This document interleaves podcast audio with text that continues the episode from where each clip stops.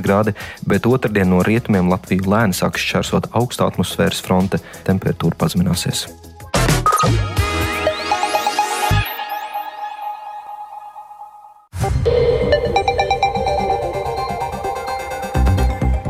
Un piecas minūtes, un tas ir laiks, kad savu skanējumu sāk šīs dienas, 21. aprīļa raidījums pusdiena ar skaidrojumu par šodienas svarīgajiem notikumiem. Studijām Dācis Simenoviča, esiet sveicināti! Un šoreiz sākam ar tematu, kas pēdējās dienās ir radījis lielu sašutumu un neizpratni, proti sievietes slepkavību Jēkabpilī.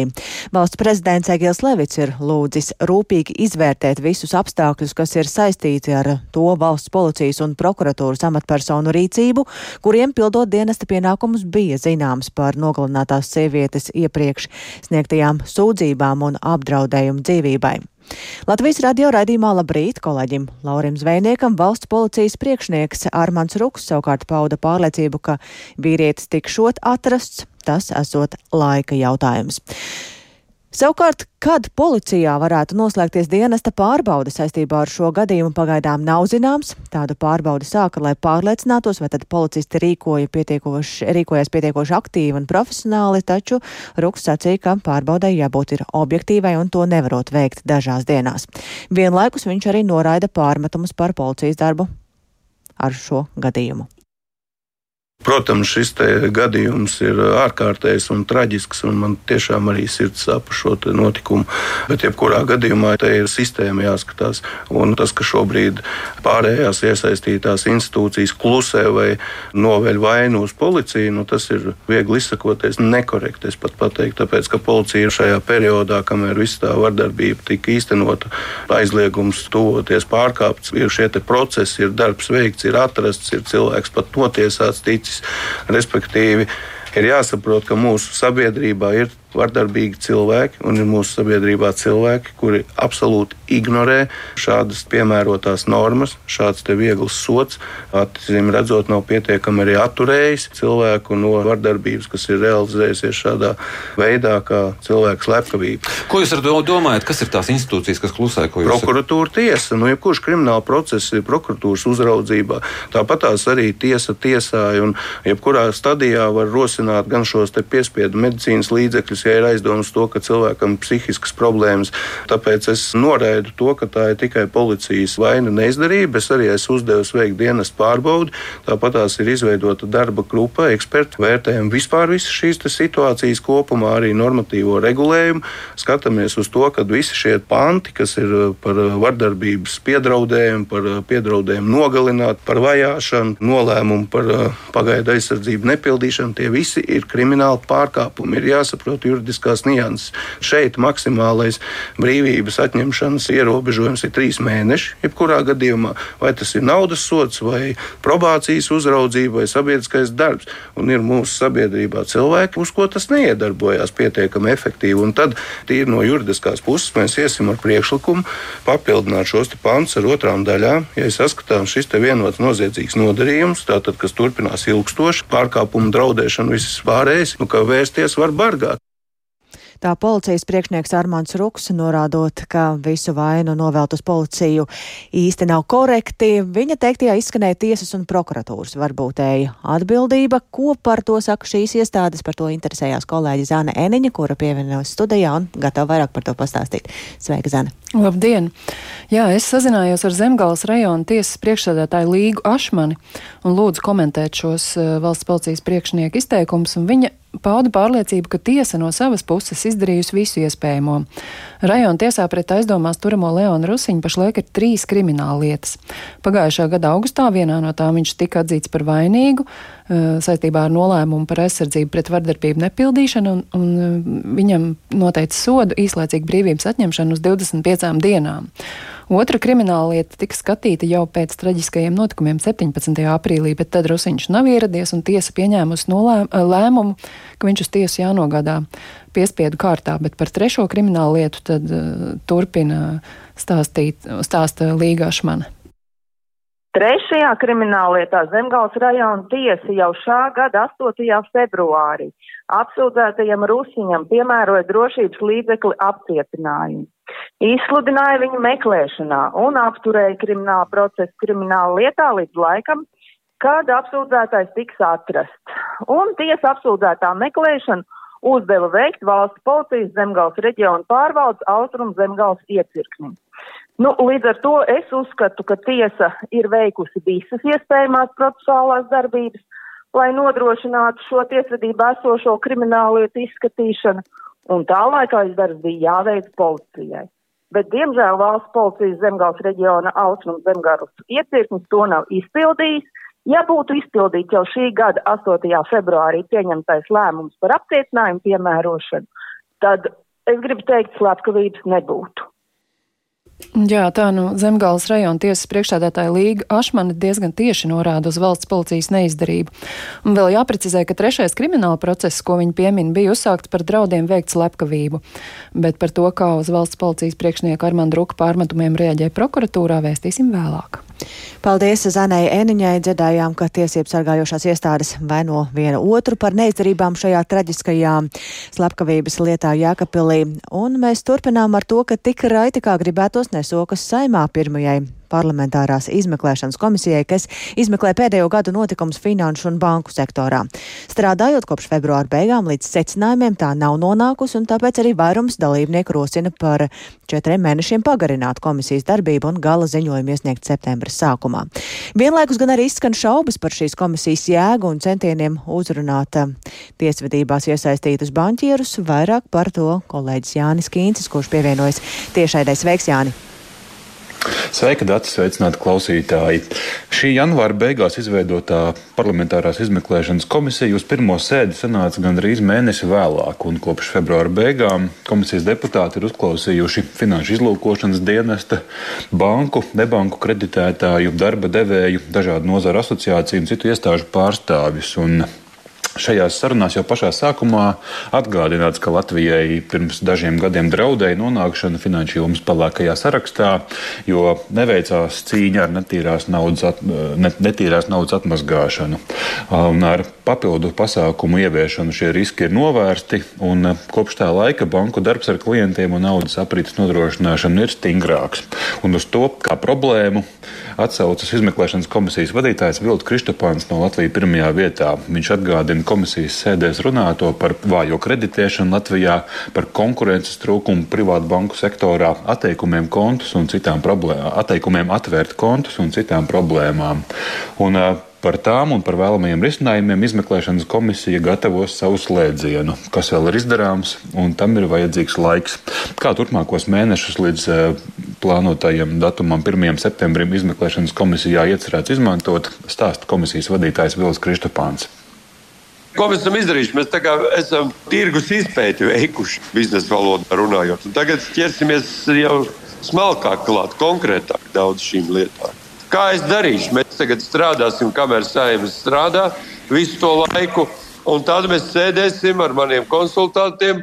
Mēs rakstīsim e, gala ziņojumu.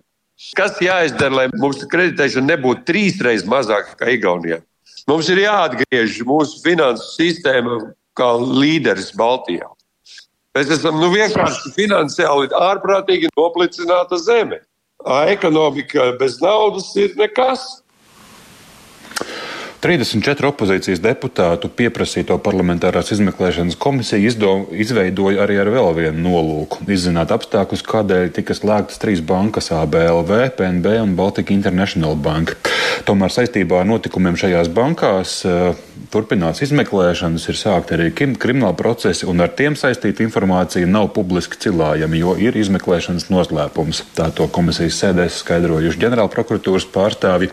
Tomēr komisijas vadītāja Kristapana piedāvātajā turpmāko nedēļu darba plānā bijuši arī rosinājumi iztaujāt, piemēram, bijušos ABLV bankas vadītājus Ernestu Bērni un Oļegu Fiļu, bijušo Latvijas bankas prezidentu Ilmāru Rimšēviču un citus cilvēkus. Un, pēc atsevišķu komisijas deputātu izteiktajiem iebildumiem šo viesu vārdi no komisijas darba plāni, plāna esot tomēr izsvītroti. Un, Tāpēc gaidāmas sarunas ar banku un nozara asociāciju speciālistiem par iepriekš minētajām problēmām finanšu sektorā kopumā. Taču, kā uzskata daļa deputātu, šajā izmeklēšanas komisijā turpināt šīs pārunas par banku sektora grūtībām Latvijā būtu rīcības dublēšana ar citām saimnes komisijām.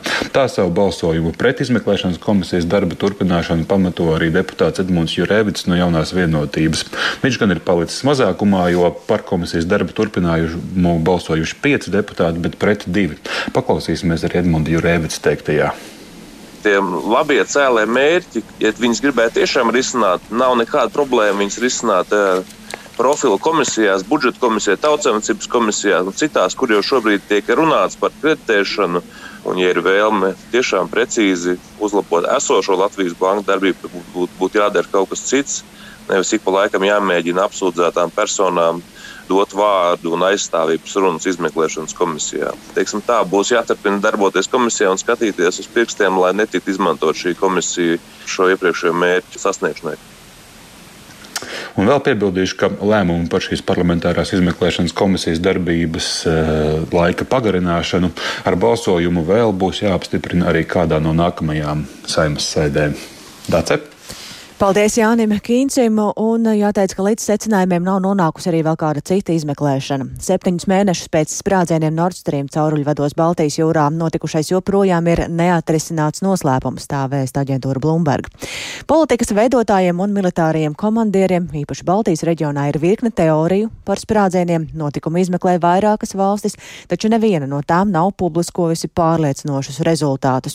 Tikmēr valdības Eiropā un ārpus tās pārskata savas militāras militārās doktrīnas un to, kā uzlabot kritiskās infrastruktūras drošību. Plašāk stāsta Rihards Plūme. Sprādzieni pie trim no četriem gāzes vadu Nord Stream atzariem notika pērn 26. septembrī. Ātri vien izskanēja informācija, ka sprādzieni bija tīši, ka tā bija sabotāža.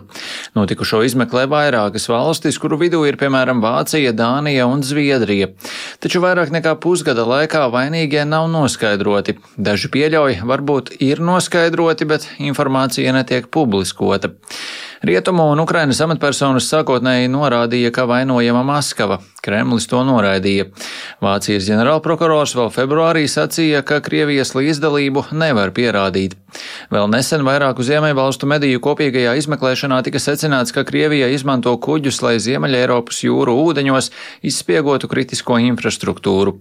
Un četras dienas pirms šiem sprādzieniem Dānijas patruļkuģis uzņēmis fotogrāfijas ar Krievijas kuģiem cauruļvadu reģionā. Iespējamo vainīgo sarakstā izskanēja arī citi, proti, ka to sarīkojusi Ukraina vai grupējums, kas atbalsta Ukrainu, varbūt Lielbritānija vai varbūt Amerikas Savienotās valstis ar Norvēģijas palīdzību. Šīs valstis savu saistību noliegušas. Kā aģentūrai Bloomberg atzīst Eriks Nīls Kross, bijušais Igaunijas izlūkdienesta vadītājs un tagad parlamenta deputāts, ir grūti saprast, kurš šos sprādzienus īstenoja. Viņš uzdod jautājumu, vai Krievijai ir jēga to darīt, un pats atbild, ka jā un nē pieļaujot, ka, lai gan dažām izlūkošanas aģentūrām varētu būt pierādījumi, tām varētu būt pietiekami daudz iemeslu tos nepublicēt, galvenokārt, ja šo uzbrukumu nav pastrādājusi Krievija. Tikmēr Džons Sifers, bijušais centrālās izlūkošanas pārvaldes nacionālās slepenā dienesta darbinieks, saka, ka neviena NATO valsts neiesaistītos šādā operācijā un visos lēmumu pieņemšanas ķēdes līmeņos cilvēki šo ideju noraidītu. Katrā gadījumā ir skaidrs, ka nopietni ir jāuzlabo kritiski kritiskās infrastruktūras drošība. Zem ūdens to izdarīt gan ir krietni grūtāk. Zviedrijas jūras flotes priekšnieka vietnieks Patriks Gardestens norāda, ka, lai atklātu draudus un novērstu šādu sabotāžu atkārtošanos Baltijas jūrā, nepieciešams vairāk hidrolokatoru zemūdeņu, kā arī mobilo un nekustīgo sensoru. Rihards Plūme, Latvijas radio. Un mūsu nākamais stāsts par to, ka kamēr valdība vēl tikai šodien plāno apstiprināt ministru kabineta noteikumus par pedagoģu atalgojumu celšanu, skolotāji gatavojas streikam. Protestos piedalīsies arī liela daļa Daugopils pedagoģu. Streikos vismaz pusotras tūkstotis cilvēku. 19 izglītības iestādēs trīs dienas darba pārtrauks pilnībā, bet astoņās mācību process notiks daļēji. Par pedagoģu motivāciju piedalīties streikā vairāk stāsta Latvijas izglītības un zinātnes darbinieku arotbiedrības Daugopils nodaļas vadītāja Svetlāna Orlova. Streiks ir pieteikts trīs dienas. Sākam mēs streiku pirmdien ar um, dalību arī gājienā, kurš tiek organizēts Rīgā. Un uz turieni mēs braucam aptuveni 220 cilvēki, 6 autobusi, jā. Un tad arī te pašā dienā sākas streiks arī skolās. Piedalāmies gan aktīvi, ir pieteikušies aktīvam streikam 1406 cilvēki, jā, pedagogi un tehniskie darbinieki. Tie ir gan skolu, gan arī dārziņu pārstāvji. Un mēs arī aktīvi gatavojam ar saukļiem, lai mūs beidzot sadzird, lai valdība, nu, teiksim tā, nemelo. Jā. Ja viņi ir devuši solījumu, ja premjera kungs ir spiedis roku un pateicis, ka viss būs, nu, tad tam ir jābūt visam. Un viņam bija septiņi mēneši, lai visu sakārtot, lai ar jauno izglītības ministri Čakšas kundzi sarunātu. Un četru mēnešu laikā nekas, un tagad pēdējā dienā, pareizāk sakot, tas laikam bija 19. aprīlī, pulksten 23. atsūtīti dokumenti, lai mēs varētu izskatīt, ja, kuru šodien mm, kabinets grasās pieņemt. Bet tas fiziski nav iespējams to izskatīt. Ja? Un līdz ar to vakar padomes sēdē mēs pieņēmām lēmumu, ka, ja šodien tiks pieņemti šie MK noteikumi, prasīt Kariņa kunga demisiju. Tā izglītības darbinieku arotbiedrības Daugopils nodaļas vadītāja Svetlana Orlova un plašāku reportāžu no Daugopils klausieties arī šodien raidījumā pēcpusdiena. Tikmēr solidarizējoties ar pedagogiem protestā piedalīsies arī veselības nozarē strādājošie. Slimnīcas gan saka, ka pacientus mediķu dalību protestā neietekmēšot. Par ko iebilst mediķi un kādām prasībām, ar kādām prasībām viņi dodas uz protestiem, par to interesējās kolēģi Sintija Ambote, kura šobrīd pievienojas tiešēdai. Sveika, Sintija, un cik tad daudz mediķu varētu piedalīties šajā gājienā? Sveika, Dācis, sveicināti klausītāji. Latvijas ārstu biedrība pagaidām lēš, ka skolotājiem gājienā varētu pievienoties ap tūkstošu mediķu. Biedrības vadītāja Ilza aizsalniece gan norāda, ka mediķiem tas būs nevien solidaritātes gājiens, bet arī protesta paušana par iepriekš pieņemtu lēmumu nepildīšanu arī veselības nozarē. Varam mazliet paklausīties viņas sacīto. 2022. gadā tika apstiprinātas un ilgstoši izstrādātas pamatnostādnes veselības aprūpēji 22. un 27. gadam. Un atbilstoši tām pamatnostādnēm cilvēkiem bija jāuzlabo onkoloģiskā aprūpe, sirds, asinsvads slimību aprūpe. Un tur arī mentālās veselības jomā bija vajadzīgas papildus darbības, un arī, ja mums ir papildus darbības, papildus jauna izmeklējuma, jaunas zāles, mums ir vajadzīgs papildus finansējums. Un šīs pamatnostādnes tiek pieņemtas, tiek kaut kas plānots, bet tas nekas netiek vērā ņemts nākošā gadā, kad tiek pieņemts budžets. Un tad ir jautājums, kāpēc mūsu likumdevēji var to nedarīt. Nu jā, un savukārt streikot mediķi šobrīd gan neplāno, taču izskata tādu iespēju rudenī, ja nākamajā gadā nozars budžets samazināsies. Runājot vēl par mediķu dalību gājienā, pirmdienas slimnīcās norāda, ka speciālistu dalību gājienā neietekmēs medicīnas pakalpojumu pieejamību. Aprunājos, piemēram, ar Pāles Stradiņu kliniskās uh, universitātes slimnīcas uh, pārstāvi Janitu Veinbergu. Viņa sacīja, ka pagaidām slimnīcā nav jūtama tāda liela aktivitāte saistībā ar dalību gājienā. Vienlaikus slimnīca slimnīca arī speciāli tādu informāciju pagaidām neapkā, neapkopo. Paklausīsimies arī viņas sacīto. Šobrīd aktivitātes īpaši jūtamas nav, slimnīcas darbs traucēts netiks.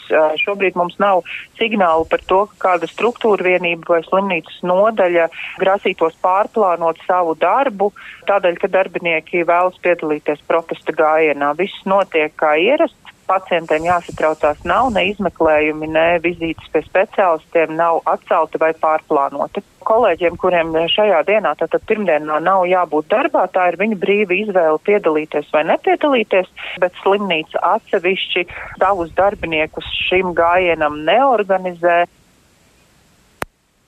Nu jā, un līdzīgu situāciju vakar komentēja arī Rīgas Austrum klīniskajā universitātes slimnīcā, norādot, ka darbinieki tā tad no darba brīvajā laikā var doties protestā. Savukārt savu dalību gājienā apstiprinājušas arī Latvijas ģimenes ārstu asociācijas un lauku ģimenes ārstu asociācijas vadības. Taču tātad to gala skaitu, cik daudz cilvēku pievienosies arī no veselības nozares, šobrīd nav iespējams vēl prognozēt. Dace? Paldies Sintījai Ambotei. Tātad pagaidām tās aplēses ir par tūkstošu mediķiem. Un uh, noteikti viņi gana dažādi arī nokļūs līdz Rīgai, līdz protestiem, uh, bet mēs turpinām par kādu citu stāstu par metrobusu, kas kursēs Rīgā. Tas tāds nākotnes projekts, un šim projektam domas atbildīgā komiteja ir atbalstījusi vairāk nekā 1,3 miljonus eiro lielu finansējumu. Šādu metro busu grib ieviest pēc trim gadiem, lai purvciema un drēliņu iedzīvotājiem būtu ērtāks un drošāks sabiedriskā transporta risinājums. Kas ir metro bus un Kāds no tā iedzīvotājiem būs ieguvums, vairāk ir gatavs stāstīt kolēģis Viktors Demīrovs, kurš pievienojas studijā. Sveiks, Viktor, tātad kas tas par busu? Jā, labdien! Nos, nosaukums metro buss cilvēks var nedaudz maldināt, uzreiz varu teikt, ka ar metro tas nebūtu nav saistīts. Un tagad Rīgas doma to dēvē kā neatkarīga sabiedriskā transporta līnija, un tādu līdz 2026. gada vasarai, tātad trīs gadu laikā, plānots izveidot no Zemitāna tilta pa Dzelzavas ielu līdz Juglas ielai, kur tā noslēgsies pie veikala Ikea un iepirkšanās centra sāga. Tas kopumā ir 6 km garš posms, un šī līnija būs izveidota ielas vidū, un pa to varēs braukt tikai un vienīgi sabiedriskais transports. Pašu agregātu ziņā viss palikšot pa vecam, nu, tad respektīvi brauks tie paši trolēļbusi, autobusi, un tā kā brauktuve no citiem transporta līdzekļiem būs neatkarīga, pasažieri nestāvēs sastrēgumos un ātrāk nokļūs līdz vēlamai vietai. Jāatzīmē, ka privāto transporta līdzekļu vadītājiem joslu skaits lielākoties saglabāsies. Sanāk, ka mm, kopumā tā dzelzavas iela nu, kļūs plašāka. Un uh, pašvaldība šo risinājumu ir, ir smēlusies no citām valstīm, piemēram, no Nīderlandes pilsētas Eindhovenas un, kā apgalvo pilsētas attīstības departamenta mobilitātes pārvaldes vietnieks Viesturs Krūmiņa liepa, uh, metrobusa līnija ir arī Dienvidē Eiropas valstīs un ASV. Lūdzu, paklausīsimies Krūmiņa liepas teikto. Galvenā vispār jēga gūt augstas kvalitātes sabiedrisko tramvaju pielīdzināmu mūsdienīgam tramvajam par krietni zemākām ieviešanas izmaksām. Nu, tramvajas sliedas, paši tramvaji tas ir ļoti dārgi. Par šādu projektu mēs varam iegūt ļoti augstas kvalitātes sabiedrisko transportu par krietni zemākām izmaksām.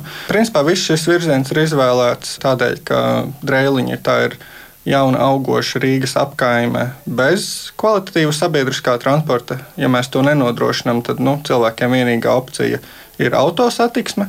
Tas sniedz arī iespēju nākotnē potenciāli uz Ulbraku laist transportu. Un, protams, Purvciems tā ir Rīgas lielākā apkaime. Ja tā būtu kā atsevišķa pilsēta, tā būtu viena no Latvijas lielākajām pilsētām. Jā, un pašvaldība apņemas uh, sakārtot arī gājēju tagadējo infrastruktūru un izbūvēt veloceļus. Savukārt, ja mēs runājam par tām izmaksām, cik tad tas maksās viss, nu tad būvprojekts, tikai pats būvprojekts, izmaksās vairāk nekā 2,7 miljonus eiro, no kuriem lielāko daļu seks Eiropas Savienība. Savukārt 1,3 um, miljonus eiro finansējumu ir atbalstījusi Finanšu un administrācijas lietu komiteja, un tas ir galīgs lēmums. Un tā tad, bet viss, viss kopumā projekts izmaksās ap 50 miljoniem eiro, no kuriem 40 miljonus seks Eiropas Savienība.